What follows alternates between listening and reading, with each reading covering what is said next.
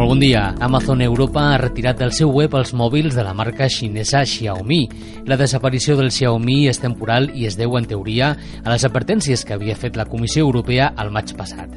Segons la institució, els adaptadors de corrent europeus que molts distribuïdors incloïen amb el Xiaomi eren perillosos per als seus compradors i no estaven homologats. De moment, a Amazon només es poden trobar alguns accessoris per als mòbils d'aquesta marca. I una sofisticada eina creada per enginyers espanyols dins d'un projecte de la Unió Europea permetrà a l'usuari de Facebook visualitzar amb un clic els ingressos de publicitat que genera en temps real la seva navegació per la plataforma.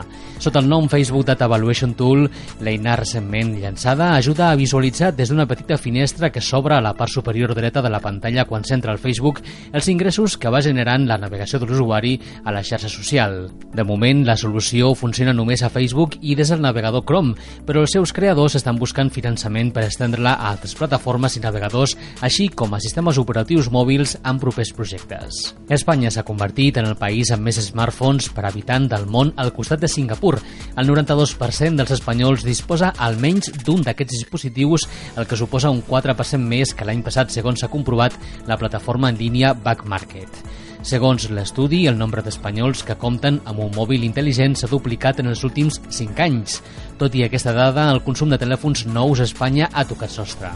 La caiguda de la venda de smartphones, sobretot els últims models, ha suposat l'augment del mercat de telèfons recondicionats, incrementant la seva venda en un 25% en els últims 3 anys. I només durant aquest exercici s'espera que els espanyols reutilitzin uns 2 milions de dispositius. I seguim parlant de mòbils. Fa anys que Android és el sistema operatiu més usat en el món de la telefonia mòbil. Segons un estudi desenvolupat per Strategy Analytics, un 87,5% dels nous telèfons venuts al llarg del tercer trimestre del 2016 funciona amb Android. Amb les xifres al davant, això vol dir que dels 375 milions de smartphones, 328 milions són d'Android. Apple només té un 12,1% de la quota total del mercat, uns 45,5 milions d'iPhones. Índia, Orient Mitjà i Àfrica són els mercats que han permès aquesta xifra rècord de quota de mercat, una que mai s'havia abans aconseguit.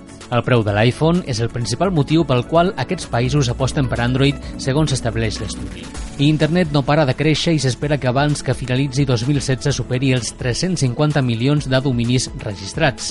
A finals del primer semestre va aconseguir un total de 334,6 milions de dominis de nivell superior, els més utilitzats. També parlem de les eleccions dels Estats Units perquè les autoritats nord-americanes estan prenent importants mesures de ciberseguretat, fent especial èmfasi en els sistemes de votació per tal d'evitar qualsevol tipus de manipulació o error en les votacions durant la jornada electoral d'aquest dimarts.